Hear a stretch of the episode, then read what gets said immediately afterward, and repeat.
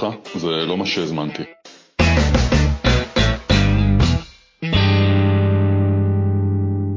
שלום טל, היי לימור. אנחנו בפרק 29 של הפודקאסט, סליחה, זה לא מה שהזמנתי, טל בשן, מייסד בית ספר למנהיגות תודעתית ומפתח שיטת אימפקט, לימור רייך, המנחה הקבועה כאן, העניינים. והיום קראת לפרק בדד, למרות כן. שאתה לא בדד עכשיו, אנחנו ביחד, נכון. אבל למה התכוונת? אמ, היינו בסיני עם הילדים, מעיין ואני, ופגשנו שם אה, שתי בחורות צעירות, שאנחנו מקדישים להן אה, את הפרק, הזו, את הפרק הזה, ירין וקרני. מה הם כבר עשו? ירין וקרני, אה, הפרק הזה מוקדש פרק שלם לכם. מוקדש להם. זה היה מצחיק, אנחנו ישבנו וקשקשנו, ובאיזשהו שלב ראיתי שאחת מהן מסתכלת עליי קצת מוזר, ולקח כמה רגעים להבין שהיא מכירה את הקול שלי מהפודקאסט. ואז התחילה להתפתח שיחה, והתפתחה שיחה על זוגיות, ו... ואהבה, וקשרים, ודחייה, ופתאום זה אה, היכה בי שדחייה זה משהו שאנחנו לא דיברנו עליו. ישירות. וקצת הייתי עמום, כי זה כמו לדבר על הרים בלי לדבר על האברסט. נכון. כשכתבת לי עושים פרק על דחייה, אז כתבתי, וואו, עכשיו, אתה אומר, איך יכול איך? להיות שאנחנו חמקנו מלהתעסק עם הנושא הזה, שהוא אולי הכי דרמטי בחיים של כולנו, וממש ניסיתי להבין את הדבר הזה. והמחשבה הראשונה שעלתה לי, זה שזה כמו שאתה עומד אה, נגיד מול קיר מאוד גדול והאף שלך צמוד לקיר, אז מבחינתך הקיר הוא אינסופי. זה לא משהו שצריך לדבר עליו, זה לא קיר, זה מציאות. זה לא שאתה אומר, אני אאגף אותו משמאל, אאגף אותו מימין, אאגף אותו מימין, זה רק קיר, יש לו גבולות. התמונה היא כל כך רחבה, שלא עולה על דעתך שזה נושא לדבר עליו, כי זו המציאות. What can I do? ואני חושב שזה ככה עם דחייה. דחייה זה טאבו, זה רעיון מרכזי.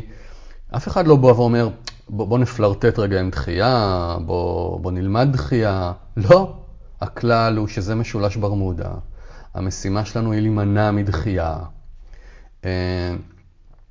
וכל השיח הוא איך לברוח מהבור הזה. ולא יודע, אני ממש תפסתי, זה היה מין רגע כזה, שהוא היה מאוד משמעותי, אמרתי, מה? עכשיו, זה לא שאנחנו לא נוגעים בדחייה בעקיפין, נגענו פה בהרבה מאוד דברים, אבל לדבר על דחייה כרעיון, פתאום היה לי ברור שזה נושא קריטי, לא לפרק אחד, אלא לסדרה של פרקים. ו... ו... והשאלה הראשונה ששאלתי הייתה, למה זה בעצם כזה קיר? למה זה יושב לנו ככה מול העיניים ואנחנו אומרים, אה, לא, זה non-negotiable, צריך לדבר על איך להימנע מדחייה, איך למצוא זוגיות, איך למצוא אהבה, איך... נכון, דיברנו על איך אנחנו בעצם אה, רוצים שיאהבו אותנו, נכון. איך אנחנו מרחיקים אה, כאב ומקרבים עונג. דיברנו על יד, כן. על הקירות, הגדרות ליד הקיר הענק. ואז כשאתה מסתכל גם רוחבית, אתה אומר, כל אחד מהפרקים או מהנושאים שדיברנו רלוונטי לחלק מהאנשים. בושה, החלק אשמה. הזה, אשמה, החלק הזה הוא, הוא, הוא אני, כלומר, יש לנו איזה חלק שאנחנו לא רוצים להידמות לו, אבל דחייה, אוניברסלי. אין מישהו שלא חווה, חווה, מישהו- יחווה דחייה. אין מישהו שלא עובד בלחמוק מדחייה. זה כמו צרעת. זה, זה כמו הקורונה של האנושות. אני רוצה לצלוח את החיים האלה מבלי לחוות דחייה.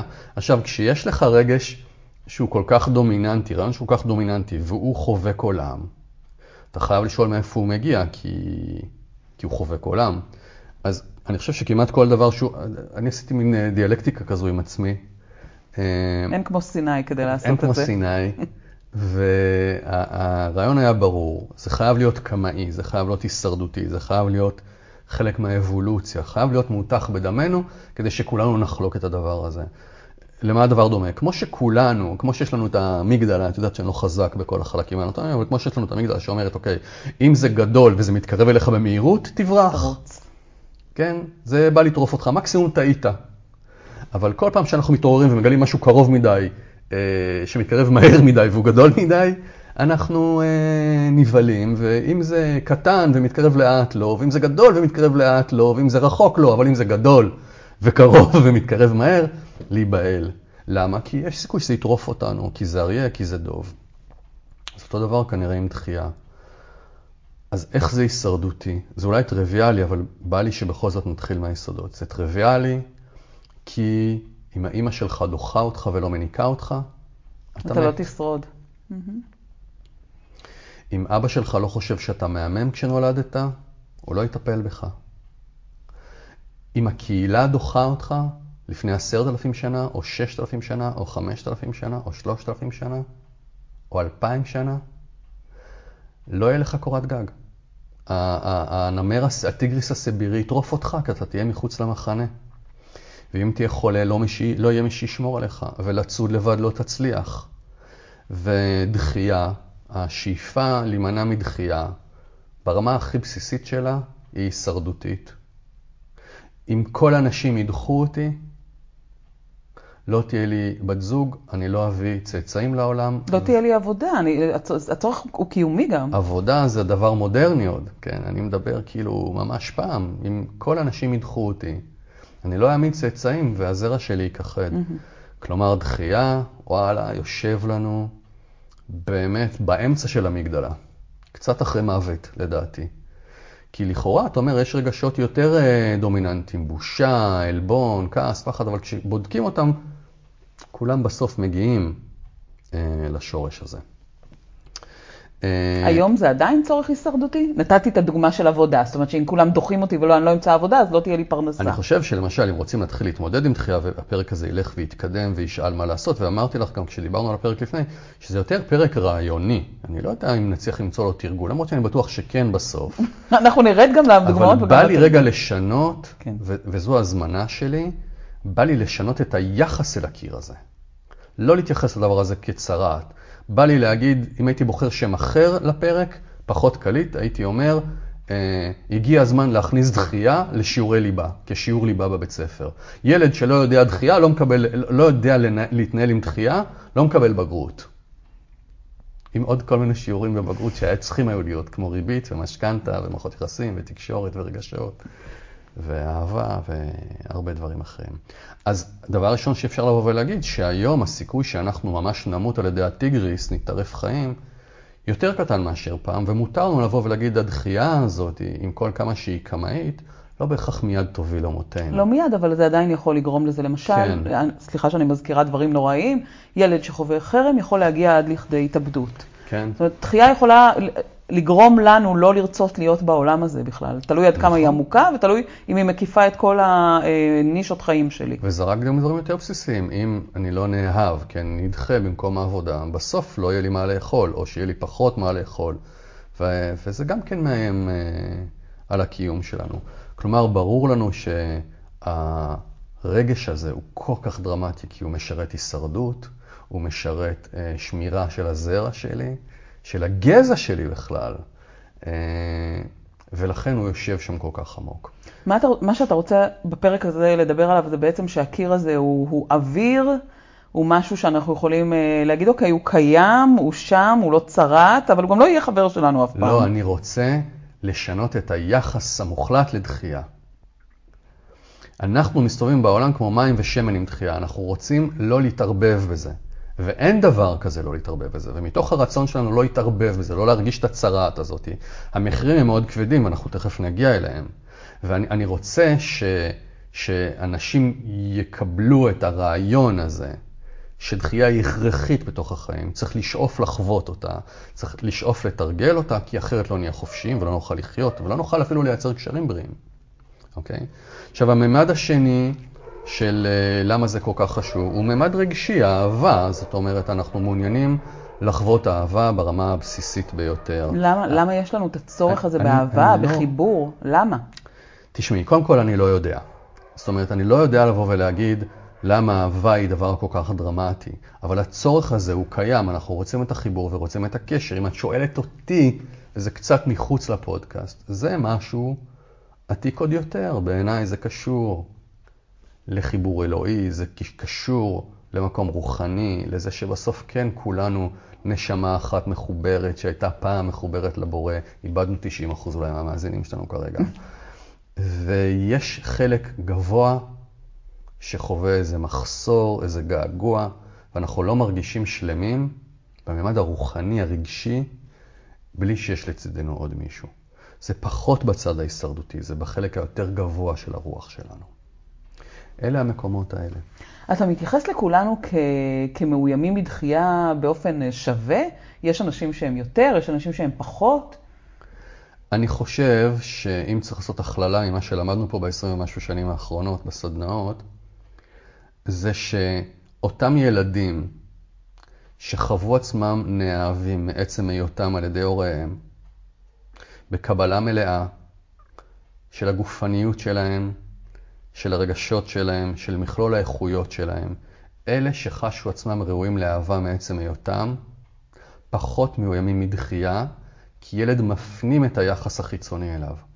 אם אני ראוי לאהבה בעיני הוריי, וזו החוויה העמוקה שלי, אני גם, אני גם נהיה ראוי לאהבה בעיני עצמי, ואז כשהעולם דוחה אותי, זה פחות מאיים עליי, כי יש לי אותי, יש לי את הידיעה של מה אני, שאני ראוי לאהבה. אבל איך? אתה בעצם בתור ילד, אה, אם היית אותו ילד, אז לא חווית דחייה בבית, אז איך אתה מפתח את המיומנות הזו?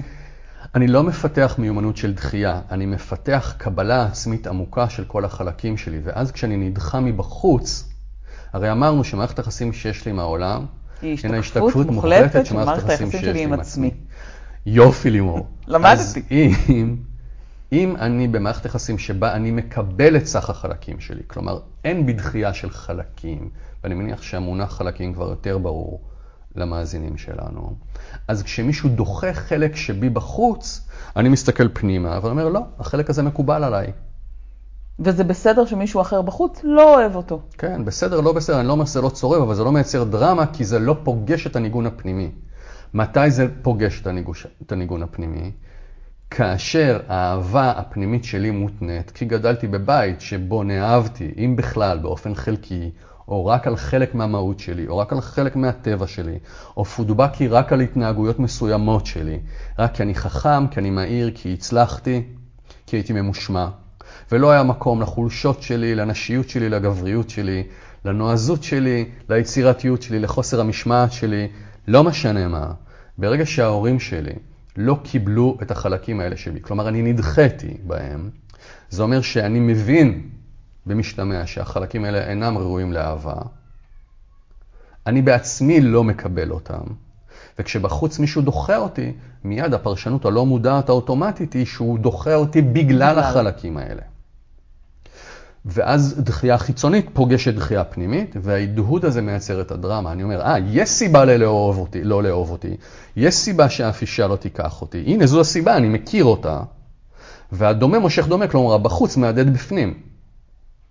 בחוץ הוא כמו הרמרה. יש ערך לקיר הזה? רגע, אבל לפני זה, מכיוון שפתח פה דלת מהממת.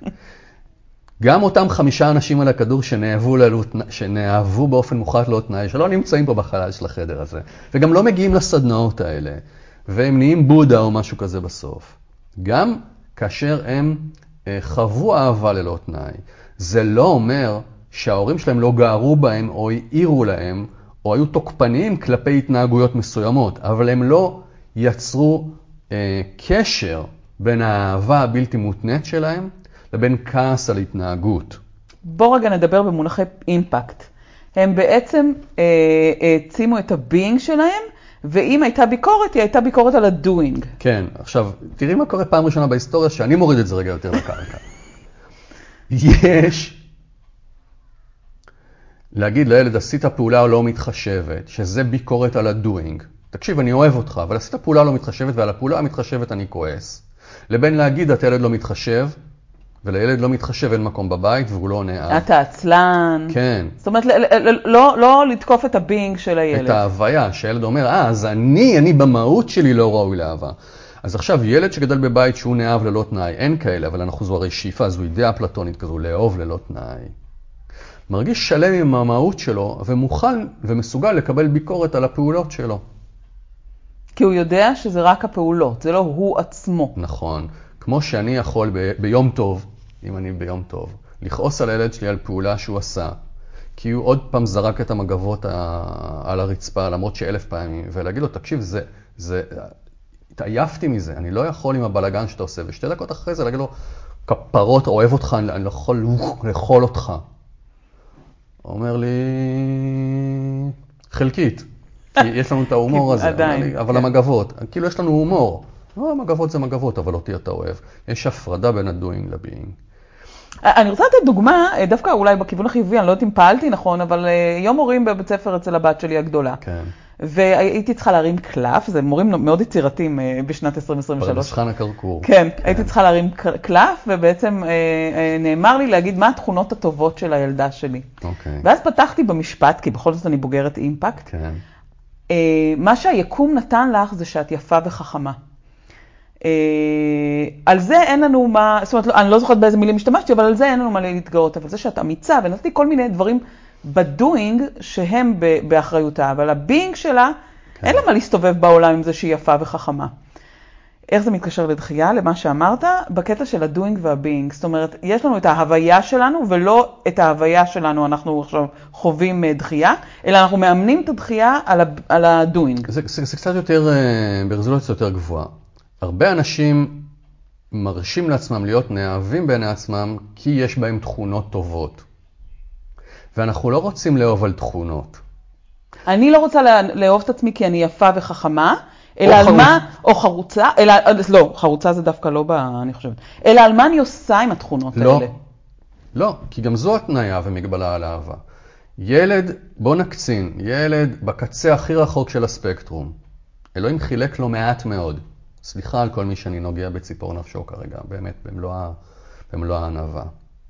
אין לו כישורים ולא קיבל מתנות. ראוי לאהבה מלאה? לגמרי, יופי. מעצם היותו. יפה, ולכן אנחנו לא כורכים בין אהבה על מהות לבין תכונות שקיבל, לא קיבל, וגם לא זולגים לעשייה. יל... כמו בעל חיים, אנחנו אוהבים את הכלב שלנו. כי הוא הכלב שלנו, כי הוא. כלב. וזה, וזה ניקיון אוקיי. שאין לרבים מאיתנו, בטח לא ביחס שלנו לעצמנו. ומכיוון שאין את זה ביחס לעצמנו, קשה לנו לתת את מה שאין לנו לילדים שלנו. זה זה. עכשיו, האם אני יכולה לעבור לשאלה? כן, נשמה. אם יש בכלל ערך לקיר הזה? לדחייה, כן. ברור. מה הערך שלו? זאת אומרת, זה כמו, אתה יודע. אמרתי ברור לפני שחשבתי על התשובה. תחשבי שאת עכשיו הולכת למלא רעיונות עבודה, ואת מתקבלת לכולם. זה טוב לך או רע לך? זה רע לי, כי בעצם, אה, אתה יודע, זה, זה כמו שאני אלך עכשיו לדייט עם, אה, עם, עם מיליארדי האנשים בעולם, יופי. וכולם ימצאו חן בעיניי, למה? ואני אמצא חן בעיני כולם. נכון, אז את תמצאי את עצמך עם הזכר הלא נכון, או בעבודה הלא נכונה. כלומר, לדחי... עכשיו, תארי לעצמך שאת לא היית דוחה אף בן אדם. איזה גברים היית מכניסה לתוך החיים שלך? כלומר, דחייה היא פילטר. כלומר, בוא לא נזלזל בזה. אני לא... יש פעם איזה מישהו, בטח של אוסקר ויילד, או, או מישהו מהז'אנר הזה, שאומר, אני לא מוכן להיות חבר במועדון במועדון שמוכן שמוכן לקבל אותי. אותי. מי אמר את זה? זה הוא אמר את זה? לא יודע. נניח, כזה, בטח טעינו. אז לדחייה יש ערך, היא פילטר משמעותי מה נכנס ומה לא נכנס לתוך החיים שלנו, אוקיי? ובטח בזוגיות יש משהו שמתחבר ומשהו שלא מתחבר, וזה הערך שלנו. אבל יותר חשוב רגע לשאול, אני חושב, מה המחיר של זה שאנחנו אה, כל הזמן בורחים מדחייה? מה המחיר? בואו נחליף את אה, כובעים. אני יכולה לחשוב על מלא מחירים. קודם כל, הימנעות. אם אני חוששת שידחו אותי באיזשהו, אה, באיזושהי עבודה מסוימת, אני לעולם לא אגיש אליה מועמדות. אם אני חוששת שאני אה, אדחה על ידי אה, בן זוג, אז אני לעולם לא אפנה אליו, או, או בעצם אהיה פתוחה ל, ל, ללכת לדי, לצאת לדייטים. אני אשאר לבד בבית, כי אני לא רוצה שהעולם ידחה אותי, אז אני אשאר מכונסת בתוך עצמי, מעולה. בשמיכה, בחושר, במיטה, ואני. אהיה האחרונה שיכבה את האור. אוקיי, מה עוד? הראשונה שיכבה את האור. מה עוד? אה, דיברנו על זוגיות, דיברנו על עבודה. אז מה, אבל בוא אה, נדבר בתוך זוגיות. בתוך זוגיות, אם אני רוצה. לא להידחות, לא משנה אם זה דייט ראשון, שני או בתוך קשר, אני מחזיק יחד עם 90% מהאנושות באסטרטגיות או טקטיקות ש... שהתכלית שלהם היא לא לחוות דחייה. זה אומר שאני אהיה יותר קשוב אלייך מאשר אליי. אני אכנס למהלכים של ריצוי. ריצוי זה בוודאי מוביל לביטול עצמי. ביטול עצמי של רצונות, ביטול עצמי של גודל, של מהות, ביטול עצמי של רגשות. זה אומר שכדי שאתה תרצה אותי, כדי שאת תרצי אותי, אני צריך לוותר עליי. קשר כזה, שזה השורש שלו, פחד מדחייה, על פי פרוטו- פרוטוקול מה שמואר צומח, מגדל דחייה. הוא מגדל דחייה פעם ראשונה שאני דוחה את עצמי, כן, זה ברור? כן, ההקבלה בוודאי. ברורה. אני דוחה את עצמי כדי לא להידחות. ואדם שדוחה את עצמו, נוטש את עצמו כדי לא להינטש, סופו שהוא נשאר ריק בתוך הקשר. נשאר ריק בתוך הקשר, דוחים אותו כי הוא כבר לא מעניין. או שהוא אוגר כל כך הרבה כעסים ותסכולים על זה שהוא מבטל ומבטל ולא מקבל חזרה, שהוא בעצמו מפוצץ בסופו של דבר את הקשר. אז כל האסטרטגיות של הריצוי, של הצמצום, אה, המהות של, שלה להתאים את עצמי למישהו אחר בדייט ראשון. אני מניח שאני יודע מה את אוהבת. אני מניח שמי שאני כמו שאני לא ראוי לאהבה ויידחה. אני משחק את המשחק שאני מאמין שבו את תרצי להתאהב, ואת עושה את אותן שלוש פעולות מהצד השני. ואנחנו יוצאים לדרך כזוג עם חברים דמיוניים. ואנחנו בעצם שתי מסכות, דיברנו על זה בפרק על המסכות. נכון, אנחנו אולי שתי אפילו אותה מסכות דוגמה. שבעצם אנחנו אה, נפגשות, אה, ואנחנו לא חיים את החיים האמיתיים, וברגע ש... וזה יוצר, אתה אומר, תסכולים, וגם חוסר, אם, אני, אם הבן זוג שלי לא יאהב אותי כמו שאני, אני, אני, אני גם לא. נכון, אנחנו גם פעם אמרנו, יש ציטוט שאני מאוד אוהב, שאנחנו לא מרבים לצטט פה, אבל יש אנשים שהם וואו, ואחד מהם זה הרב אשלג, שכתב את פירוש הסולם לספר הזוהר, והוא אמר משהו פחות או יותר אה, כזה, הוא אמר, האבן השואבת והפוגעת ביותר באדם בהיותו אדם, כלומר במימוש של האנושיות של בן אדם, זה הרצון למצוא חן בעיני האחר. כשאני עסוק בלמצוא חן בעיני האחר כדי לקבל אהבה או למנוע דחייה, זה הרי שני צדדים של אותו מטבע. זה חטא קדמון. למה זה חטא קדמון? כי הרצון למצוא חן בעיני האחר מאלץ אותי, מכריח אותי כמעט בהגדרה לא להיות מי שאני אמור להיות. והרי אני נבראתי כדי להיות מי שאני אמור להיות. אז מה שאתה אומר, טל, זה אני אה, לא בכלל אמורה להיות קשובה למה שהאחר אה, רוצה, ולהסתובב בעולם, להיות לימור, ומי שאוהב אותי, יאהב אותי, ומי שלא, לא. אחרת מישהו לא יתחתן עם לימור, הוא יתחתן עם המשחק שלימור משחקת. איזה מין... זאת לא אהבה, זה מוצר. תראי, יש פה הבנה שהיא זו שהכתה בי. אנחנו רוצים להיות נאהבים, זה ברור. אנחנו לא רוצים לפגוש דחייה, זה ברור. אבל לחיות באשליה שאנחנו נהיה נאהבים על ידי כולם, זה אפילו לא הזיה. אין שום סיכוי שאני אהיה נאהב אחרי כולם. אין שום סיכוי שאני לא אדחה. זה לא חייב לזרוק אותי לחוויית היכחדות ב- לפני עשרת אלפים שנה.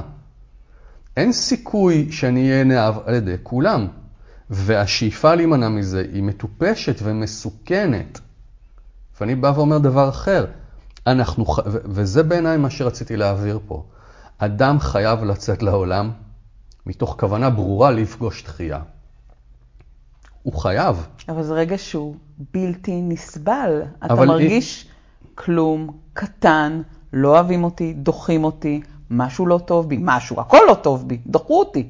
מישהו, בן זוג עכשיו פוטנציאלי שעפתי עליו, לא רוצה אותי. תראי, הזרע לשיחה הזו נולד, אני חושב שדיברנו על זה פה באחד הפרקים לא מזמן, כש, כשהבת שלי קצת לפני שהתגייסה, היא עוד לא התחתנה. כן, כמעט יצאה להתחתנה, יצאה עם איזה גברבר אטרקטיבי, והשרץ הקטן, תסלחי לי, לא רצה אותה. ואנחנו כאילו אה, פה... אנחנו כהורים? בכלל, כן? ישר מגוננים, ואומרים, מה? זה אידיוט, הוא לא רואה מה הוא מפספס, את, ברור לנו באופן טבעי שהיא הכי יפה, הכי חכמה, הכי מוכשרת, וכל מי שלא רואה את זה, חי בלה לנד ולא ראוי ליחס שלנו בכלל. והיא אמרה, לא, האמת שהוא ראה מי אני, ואת, ואת האני האמיתי שלי הוא לא אהב.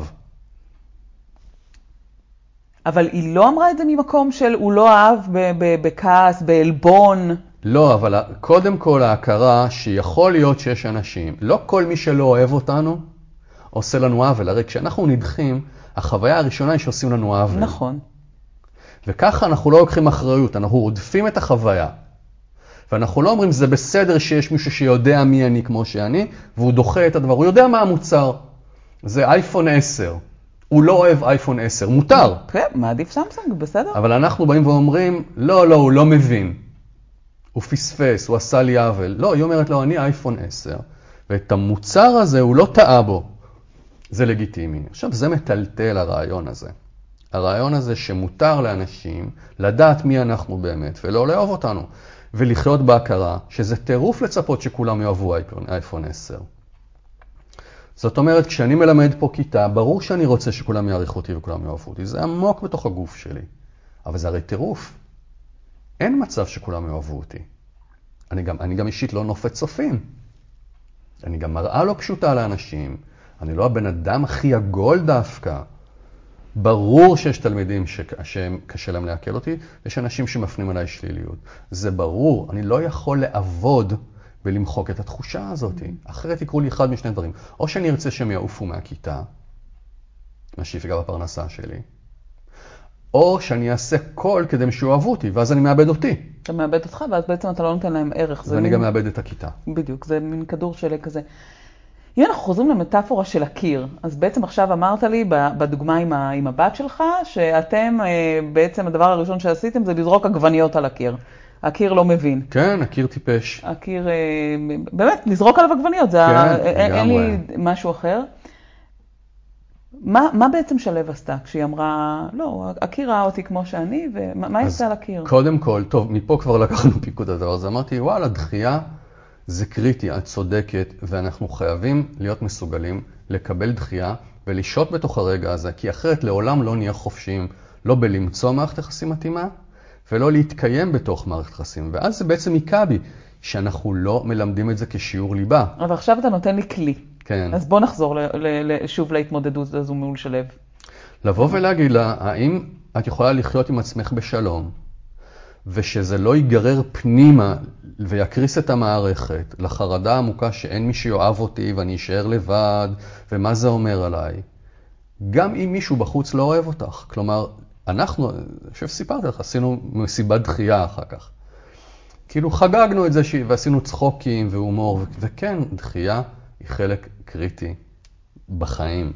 ו... ו... וזה המסר, זה המסר. תקשיבי רגע, אני לא זוכר מתי, אולי כשהייתי ילד או נער, שמעתי סיפור שהוא בטח לא אמיתי, שבאיזה שבט אפריקאי, כשנולד uh, תינוק והאימא נכנסת איתו לחושה שם בשביל להעניק אותו, אז בחוץ מתופפים, מחוללים ושרים 48 שעות ראשונות. שאלי למה? כדי לשמח? לא. אז כדי... כדי לעשות לו רעש. למה לעשות לו? רעש? כדי שהתינוק ילמד להירדם גם בתנאי רעש. once נרדם בתנאי רעש, ילמד להירדם גם בכל מה שהוא לא תנאי רעש. אנחנו לעומת זה, יש לנו תינוק, אנחנו עם שקט, אנחנו משקיפים אותו. ואז אנחנו מנדנדים אותו. ואז הוא אומר, אני נרדם רק כשיש שקט וכשמנדנדים אותי. ואגב, אנחנו גם עושים את זה בהליכה, ואז הילד מפתח איזה ג'יירומטר כזה. אלטמטר כזה, אומר, רגע, זה בתנועה? לא, בכי.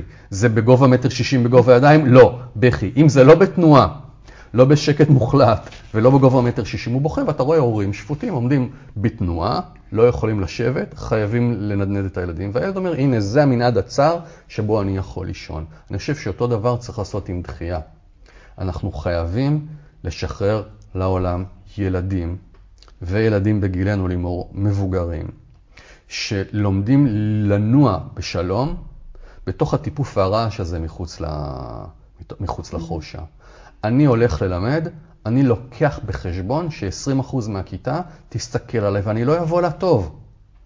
ואני לוקח את זה בחשבון, ואני לא עובד בלסלק את זה, כי זה א', לגיטימי, וב', בלי קשר אגב, אולי השיחה תתפתח לשם, יש בזה גם שיעור יותר עמוק עבורי. מה השיעור? תודה. השיעור הוא כזה. אמרנו שילדים שנאהבים מעצם מהותם, גם אם שופטים התנהגויות שלהם, עדיין זה לא פוגם להם בתחושת הערך והזכות להיות נאהבים. כשאנחנו מתבגרים ומישהו דוחה אותנו, החלקים העמוקים יותר של הנפש מניחים הנחה. הם מניחים הנחה שנדחיתי בגלל סיבה ספציפית. אותו חלק בי שאני לא יודע לקבל ושאני למדתי לגדול להבין שאין לו מקום בעולם, וכשהוא מביע את עצמו בעולם הוא לא מקבל אהבה אלא זוכה לדחייה, זה חלק שאני החבאתי והיחס שאליו הוא יחס עוין. אני דוחה את החלק הזה. זה חלק ילדי שאני לא נותן לו מקום. ואפרופו מה שמואר צומח, כשמישהו בחוץ דוחה אותי, הנחת עבודה הלא מודעת הראשונה שלי משם אגב נולדת הריאקציה, כל התודעה הריאקטיבית נולדת משם. היא שנדחיתי בגלל החלק הזה. והאמת שלי הפנימית הלא מודעת, שהחלק הזה אכן לא ראוי לאהבה. אז כשאנחנו רוצים להתקדם עם דחייה, לא רק להבין שדחייה היא חוויה שחייבים ללמוד אותה כי מאפשרת חופש, לא רק שחוויה היא חוויה שחייבים להכיר אותה כי היא ודאית שהיא תתרחש, כן? אלא שכשיש מראה כזו של דחייה, מותר לי גם להקיש מיד שזה העיר חלק בי שהיחס שלי אליו הוא עוין, שאני לא מקבל אותו.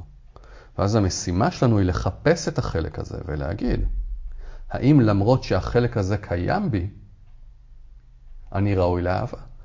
יש לי הזדמנות אפילו לשנות את היחס לחלק הפנימי הזה לחלק הזה. ולהגיד, כן, נכון, הוא לא אהב אותי כי אני קרח. יש בי קרחות? כן. האם אני אוהב את עצמי שאני קרח? יכול לקבל את זה? כן. אם זה חלקים יותר פנימיים, אה, אני לא מספיק עדין.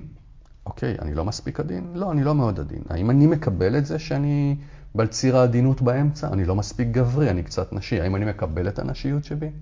כלומר, יש לי הזדמנות להבין שהקושי שלי מול הדחייה מנגן בדיוק על הקליד בפסנתר שאני לא מוכן לנגן אותו. עשו לי ככה, דו, דו, דו, ואני לא מוכן לנגן את החיים שלי עם הדו הזה. אז אתה אומר שבעצם המראה היא דחייה, אבל בסופו של דבר אנחנו חוזרים עוד פעם לעבודה הפנימית שלנו, בלי כל קשר לקיר מולנו, או למראה מולנו. כן, תחשבי, זה מאוד פשוט. אני אומר, לא אוהבים אותי. ולבד, הרי לא אומרים לי למה לא אוהבים אותי. דוחים אותי. אני מסיק, אני, אני, אני, חוזר, ב... אני חוזר. אז אני נשאר בוואקום, נכון? Mm-hmm. אז כבר אמרנו פעם, אולי לא אמרנו פעם, אני אומר בשיעורים לפעמים, בעיקר כשאני עובד עם ארגונים, שוואקום תקשורתי בארגון תמיד מתמלא על ידי פחדים. מתחלפת ההנהלה, לא אומרים מי בא במקום, יש רכישה, אף אחד לא אומר, אה, איזה יופי, יש רכישה, כולנו נצמח. לא, יש ישר פחדים. אותו דבר פה, מישהו דוחה אותנו. הוא לא אומר לנו, אני דוחה אותך כי. הוא אומר, זה לא אתה, זה אני, לא משנה. הוואקום מתמלא במקום שאני על ראש הגנב בוער הכובע. בפחדים, אני, בדי, אני בדיוק מסיקה למה הוא לא רוצה, כן. כי, כי אני מסתכלת על עצמי, נכון. מה שאני דוחה בי, ואני אומרת, הוא לא רצה אותי בגלל זה. יש לנו משפט יפה בסדנה, אנחנו אומרים שלתת המודע יש את הנטייה הטבעית, להוכיח, להוכיח את, את עצמו לעצמו. הנה, שוב פעם דחו אותי כי. אז עד שאני לא משנה את הרפרנס, את היחס שלי לחלק הזה, אני אבוד. אז יש פה מלא מלא מדרגים. אז אני אומר, גם את הילדים שלנו, אנחנו רוצים להבין שהדרמה הכי גדולה של ההורות היא לעשות מאמץ אדיר לאהוב את הילדים שלנו על מכלול החלקים שלהם. ברור אה, לשים גבולות, ברור אה, לתסכל, הכל בסדר, להעיר על התנהגויות, אבל לא לייצר חוויה שאתה לא ראוי לאהבה אה, כמכלול, אבל זה משימת חיים. ב', יש לנו את ההבנה שה... הפנטזיה הרומנטית שכולם יאהבו אותי, לא קיימת אפילו לא באגדות. ולהימנע מהצרעת הזו, מהמפגש הזה, זה ילדותי מאוד. ולהפך, הייתי שמח אם היה הלך רוח שאומר שחלק מהצמיחה הקריטית שלי בחיים היא ללמוד לחוות דחייה. וככל שבן אדם יכול לשאת דחייה יותר פעמים, הוא חופשי יותר להיות הוא עצמו, הוא נאמן יותר לעצמו, ואז מערכות היחסים שהוא מייצר הן אותנטיות, כי אין לו בעיה שיפגשו את מישהו, כי הוא פחות מפחד מהדחייה. והמימד השלישי עוסק בהשתקפות הזו, שכשאני כבר פוגש דחייה, אני מסיק שדחו איזה חלק שאני לא מקבל בעצמי, ושם יש עבודה עמוקה לעשות. אגב, זה מה שאנחנו הרבה פעמים עושים פה. עושים פה בקורסים. אני רוצה רגע לחזור לדבר השני שאתה אומר. אה, אה, אז בעצם מה שאנחנו כן ממליצים זה לכל מיני אנשים בסיטואציות חיים שעד עכשיו היה להם קשה עם דחייה, לייצר לעצמם אולי כמה שיותר אה, אה, אופציות לדחייה. אם מישהו מחפש עבודה, לך לכמה שיותר רעיונות עבודה. אל תתחיל להימנע. אם מישהו עכשיו יתגרש או נמצא ביחסים פולי-אמורים, צאו לכמה שיותר דייטים. אה, בעצם זה יביא אתכם לאיזשהו מקום שאתם תדייקו לעצמכם, אני לא כל כך אוהבת את המילה לדייק, אבל עדיין, של שבעצם אתם יכולים להתמודד עם הדבר הזה, ואולי אפילו להתיידד עם זה, כמו שאתה אומר, שזה חלק מלימודי הליבה. אמרנו ששום דבר לא צומח בלי התנגדות, וחופש פנימי וקבלה עצמית עמוקה שתאפשר לי להיות מי שאני אמור להיות, ואמרנו, אם אני עסוק בריצוי, אני מועל בתפקיד הגבוה ביותר שלי. אני, אמרנו, זה חטא מוסרי, כי ריצוי השאיפה למצוא חן בעיני האחר, כמו שהרבה שלה גמר, גורמת לי לחטא הזה, שבו אני לא נהיה מה שאני אמור להיות. ואנחנו באים ואומרים שאם אני יוצא לעולם עם עיניים פקוחות ומוכן לפגוש דחייה, אפשר להסתכל על זה כתרגול ראשון במעלה, שיאפשר לי לחיות את מי שאני אמור להיות. לאהוב אותי כמו שאני. אדם שאוהב את עצמו כמו שהוא, שזו משימת חיים, גם ימצא פרטנר שיקבל אותו כפי שהוא. Mm-hmm. לא יהיה מהלך של ביטול. יש לנו פרק שנקרא אה, יחסי שליטה, שאנחנו מדברים שם על הרצון בקשר והצורך בשליטה. בשליטה. אפשר לשמוע את הפרק הזה צמוד לפרק הזה, ולהבין איך הם משחקים, איך דחייה נכנסת לתוך, ה, לתוך המסמך הזה. וגם וגם וגם, אני באמת חושב שללמד ילדים, לא בכל פעם שמגיעה דחייה, לנחם אותם, לא מיד להגיד להם, לא, אתה זה... אלא להגיד... מי הילדים האלה שבכלל לא כן, לא אוהבים אותך בדיוק כמו שהיה עם שלו? אה, להאשים את האחרים, לא, להגיד, כן, דחייה זה חלק מהחיים. יש אנשים שאוהבים אותנו, יש אנשים שלא אוהבים אותנו, זה בסדר, כל עוד אנחנו שלמים עם עצמנו. להיות ברגע הזה, לייצר את החופש, לצמצם את התלות הנוראית הזאת אה, בזולת. לא מיד יבוא טיגרי סיבירי אה, ויבלע אותנו חיים רק כי הרגע מישהו דחה אותנו, גם אם החלקים הקמאיים ב mind שלנו אומרים לנו, תידחה, תידחה, תידחה, בסוף תמות לבד. אני חייבת רגע, אה, אנחנו מתקרבים לסיום הפרק, אה, כן להגיד שבעצם הדברים פה בפודקאסט, אנחנו נותנים, אנחנו משתדלים, לפחות אני, לתת דוגמאות מכל מיני עולמות, אבל את העבודה האמיתית בעצם עושים בסדנה, ואני רואה את זה עליי. כי ברגע שהגעתי לסדנה והבנתי ועשיתם איתי בעצם עבודה פרטנית, וגם קבוצתית, והבנתי בעצם מאיפה אה, ה, נובע הפחד שלי מדחייה, אני מסתובבת בעולם הרבה יותר בטוחה בעצמי והרבה יותר בטוחה בזה שכשאני אפגוש, ואני פוגשת כל יום את הקיר הזה שנקרא דחייה, אני יודעת להתמודד איתו ואני לא מתמוטטת. כן. את זוכרת את ה... כן, בוודאי, כי אני חושבת על זה כל יום כשאני פוגשת את זה. תשימי את זה פה אם בא לך. בעצם אני חשתי דחויה דווקא במשפחה שלי הגרעינית, תסלחו לי, המשפחה שלי, אם מקשיבים לי, אה, כי, כי הייתי ילדה מאוד מאוד מרובעת. והייתי הולכת לספרייה ומחליפה כל שבוע שישה ספרים, וכל פעם שהייתי באה הביתה עם תעודה, אז אמא שלי הייתה אומרת, אוי, איזה תעודה משעממת. נכון שהיא התכוונה להחמיא לי, אבל אני חשתי שהמרובעות שלי, שהחוכמה שלי, זה בעצם מקור לדחייה. אחותי הייתה אומרת לי בחוץ מטר ממני שלא ידעו שאת אחותי. כל מיני דברים כאלה. אז מה למדתי כן, לא מבחינתי? לא מה כן. הקנו שלי? דחו אותי. דחו אותי כי אני חכמה, דחו אותי כי אני מרובעת. זה לא הקנו, זה המצדה. זה המצדה, נכון. אז מה הקנו שלי? שאני עכשיו אבוא לכל חברה חדשה שלא מכירה אותי, ואני לא אהיה כמו שהייתי במשפחה שדחתה אותי. אני אהיה מגניבה ואני אהיה קולית ואני אראה שאני קצת סתומה וקצת קלולס ולא מבינה עניינים. ובעצם הייתי נכנסת לכל מיני מקומות ומציגה את עצמי כלא משהו. נכון. ופוחדת uh, ללכת על כל מיני... ואת זה פגשנו כשהגעת לפה. לגמרי, ופוחדת להג... להגיש... ותראי מה נהיה. ופוחדת להגיש uh, למשרות שאולי נכון. אני חשבתי שהן יותר... כי... כי, הם, כי אני לא מגניבה, זה, זה הקנו לגמרי. לעשות סדר למאזין? כן. זה הקנו, האסטרטגיה שמונעת פגישה שלי עם המצדה, עם הדחייה ההיא. וזה הביא אותי למקומות כל כך נמוכים ולמקומות שאני לא מממשת את עצמי. זה הביא אותי לניסויים כושלים אה, לפני בני. ובעצם כשאני באתי לפה לקורס ולמדתי את זה על עצמי, וזה מה שמנהל אותי וזה מה שניהל אותי, ידעתי להגיד בכל פעם כשאני פוגשת דבר כזה, או, oh, הנה, זה עוד פעם, מה, נכון. זה מה שניהל אותי מילדות. ואני רוצה ככה בסוף הפרק כן להמליץ למאזינים שלנו לא להסתפק רק בפודקאסט. לבוא לפה, אני חושבת שאני לא לימור אה, כמו שהייתי לפני שפגשתי את אה, אימפקט. כן. אני לא סתם באה ומנחה את הקורס הזה, את הפודקאסט הזה, כי אני מאוד מאוד מאמינה בעבודה עצמית, ואני חושבת שהפודקאסט זה רק כדי לגרות. ואני חושבת שהוא יכול להועיל אפילו יותר כשאתה אחרי קורס. אה, אני חושב, קודם כל תודה על ה... תודה לך, אתה שינית לי את החיים. אני... יש לי כל מיני מחשבות על הפודקאסט. קודם כל אמרנו שאנחנו מופתעים מעד כמה אנשים לוקחים אותו ועובדים איתו. כלומר, הוא הפסיק, לחלק מהאנשים הוא, הוא, הוא מעשיר, חלק מהאנשים הוא מעורר השראה, ואנחנו מגלים, ואני אומר את זה הרבה פעמים, וזה גם הדבר שמאוד מאוד מרגש אותי, שלא מעט אנשים עובדים איתו. אבל עדיין יש עד כמה בן אדם יכול להוציא את עצמו מהבור, אומרים אין חבוש מוציא עצמו מבית האסורים, צריך נקודת משען חיצונית. ואני חושב שאנשים שמבשילים עם הפודקאסט ובסופו של דבר אומרים כן, אבל זה לא עד הסוף. אז זה הרגע שבו הם צריכים לשקול לבוא ולעשות עבודה. לזכור שהעבודה הזאת לא הייתה פשוטה, לימור, והיא מאיימת על הרבה אנשים לפגוש את הרגשות האלה ולפגוש את האמיתות האלה, אבל שכר רב. לגמרי שכר רב. המהלך הזה. אני לא מתביישת להיות חכמה. נכון, את מרובעת. באמת ילדה מאוד חכמה. אני לא מתביישת בזה, אני כבר לא מציגה את עצמי כמגניבה קולית וטיפשה. ולכן אם מישהו ידחה אותך, בוא ניקח את זה קדימה, אם מישהו ידחה אותך, הפרשנות הסובייקטיבית האוטומטית הלא מודעת שלך לא תרוץ לרעיון של דוחים אותי כי אני מרובעת כי אני מרובעת וחכמה. ומשעממת. כן. לגמרי. כי החלק הזה כבר קיבל מקום, וברגע שיש קבלה פנימית, אז מערכת היחסים שיש לי עם העולם הינה השתקפות. אמרנו את זה כבר פעם, אצל המערכת... ואז יש שקט, ולכן אפשר לעבוד עם דחייה כמראה מאוד מאוד דרמטית בהתפתחות הפנימית. אני, אני מחלק את הפרק הזה ואני רוצה לסגור אותו במקום הזה. בא לי, ואני מרגיש שזו התחלה של מחשבה על העולם הזה, להגיד לאנשים, צאו אליי קרב. לא, לא להימנע כל כך.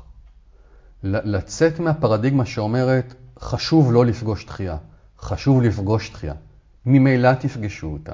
אז בואו נפתח חופש מול הדבר הזה. תגלו את הילדים שלכם עם זה שדחייה היא דבר נורמלי.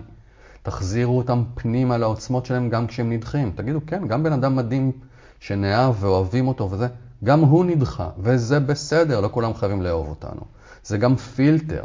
יש גם דרך להתבונן פנימה דרך הדבר הזה. בא לי שדחייה לא תהיה צרעת. זה, זה הרעיון. בתרגול עצמו, כמו תמיד, מישהו דוחה אותי, עולה, גואה בי חוויית דחייה מאוד קשה, בלתי נסבלת, שאני רוצה להדוף אותה על ידי האשמה, על ידי whatever, לא. שב שם עשר שניות. עשיתי, עכשיו משדלים אותי לעשות רילים כאלה של דקה ב... עלי רחמו, כאילו של דקה של על תודעה וזה. אז לא לספור, היה אחד שעשינו על לספור עד עשר. לא לספור עד עשר עד שזה יעבור. להרגיש עד עשר. עשר שניות תרגישו דחייה ותתענגו עליה. תגידו, אני מרגיש דחייה. לא חייב לדחות את הדחייה כל כך. בעיניי זה התרגול הראשון. זה מדהים, אני רק רוצה לקשור את זה שוב לסדנאות. סליחה שאני חוזרת לסדנאות, אני יודעת שאתה לא אוהב שיווק. לא, היום אני הולך לעשות שיווק. רגע, אבל זה לא ממקום של שיווק. הרבה אנשים שאני אומרת להם, הם אומרים לי, הפודקאסט מדהים, מדהים, מדהים, משנה לי את החיים. אני אומרת להם, עזבו, זה לשנות את החיים, זה קצה הקרחון. כן. בואו לסדנה, תשנו את החיים, ואז הם אומרים לי, לא, מה, אני אחשוף את עצמי מול קבוצה? כן. זה הפחד מדחייה. נכון. אגב, את יודעת שהרבה מאוד פעמים כשאנשים לא באים, כשהם מסבירים למה הם לא באים לסדנה או נמנעים, כמעט תמיד שורש התיקון שלהם יושב באותו מקום. לגמרי. כי הרי, למה אני לא מוכן להסתובב עם ביקיני בים? כי אני לא שלם איך שהגוף שלי נראה. אם הייתי שלם, לא היה לי בעיה להסתובב עם ביקיני בים. עכשיו, מראש, כל הסיבות שאנחנו לא זורמים בתוכן כמו שצריך, קשורים או קשורות לאי הקבלה שלי לחלקים שונים בפנימיות שלי. אז כן, בוודאי, כשאתה מגיע לעשות פה תהליך כזה, שבו אתה חושף את החלקים שאתה לא מקבל את עצמך, את הפצעים, לומד לקבל אותם, אז גם אין לך שום בעיה להיות בקבוצה. נכון. וזה מה שקבוצה עושה. אז מה קורה ב... רציתי להגיד, פעם אחת, בלי להתבייש, בלי לעשות את זה בחצי כוח. סוף סוף, אחרי באמת כמה שנים טובות של בקשות ולחצים, הכנתי. יחד עם ליאני אלעזרי, שהיא אחת המנחות המאמנות שלנו פה, הכנתי קורס אונליין. מלא, שלם, אמיץ, נועז, עשרה מפגשים, כל... של שלוש שעות, כל אחד מהם. כל החומר שיש בסדנת אימפקט מופיע שם.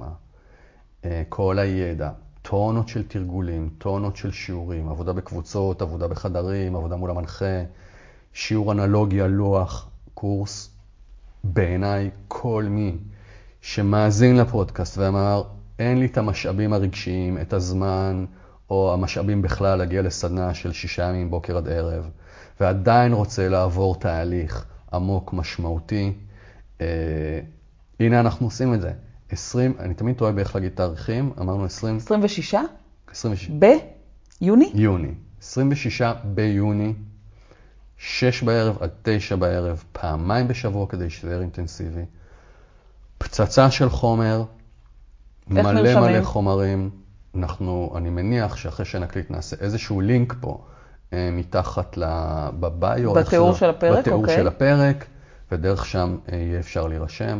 כל מי שזה מגרד לו, שהחומר מדבר אליו, אבל זקוק לפוש הזה, רוצה באמת באמת להעמיק, לעשות טרנספורמציה עמוקה, אני סוף סוף עומד מאחורי החומרים האלה. למה אני סוף סוף עומד? כי גם לי יש פחד מדחייה, אפשר לקרוא את זה לקורס. אני מאוד קשה לי ללמד אנשים שאני לא רואה ושולט לחלוטין במה הם מרגישים בכל רגע נתון.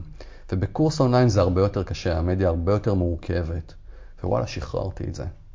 יכול להיות שגם מי שנורא פוחד להיכנס לפה, לבת חפר, לחדר הקטן הזה עם עוד 12 איש, כן. יכול להיות שהפחד מדחייה יהיה פחות גדול אה, כן. כשזה אונליין. אני רוצה לעשות איתך הסכם.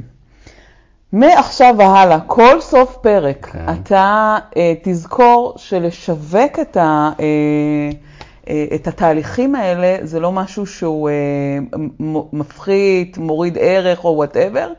אני מחזירה אותך לפרק הקודם של הייעוד. אם הייעוד שלך זה לעזור לכמה שיותר אנשים, אז אל תפחד או נהפוך או תתגאה בסוף כל פרק להגיד איזה עוד ערוצים יש כדי לעזור לאנשים. האם אנחנו יכולים לעשות את ההסכם הזה? זה חלק שירד בעריכה. אני עובד בזה, עובד בזה. אוקיי. לא כל פעם יהיה מה להגיד, אבל הקורס אונליין הזה, אני ממש ממש שלם איתו. אז בלב שלם... התחמקת, אבל לא יפה. בסדר. את, את, קודם כל את צודקת, את צודקת, זה נכון. זה כבר, יצאתי מפה מרוצה, אמרו לי, אני צודקת, זהו. גם חכמה וגם. וגם אהובה. לימור, תודה. ולא משעממת. תודה רבה. אה, תודה רבה, תודה טל, אה, ושכל הערוצים אה, יעזרו לכמה שיותר אנשים. ועוד משהו, אם אנחנו כבר בעניינים של הפצה, בוא נקליט קצת יותר. וואלה, הולכים על זה. זה אומר שעכשיו. אנחנו פותחים יומן. מקליטים בממוצע לדעתי פעם בחודשיים, וזה לא מספיק. נכון. חבל. תודה אז רבה. סגרנו, אז זה העסק שלך איתי. ותפיצו, חבר'ה, תפיצו את הפודקאסט. זה... תודה. תודה. ביי ביי.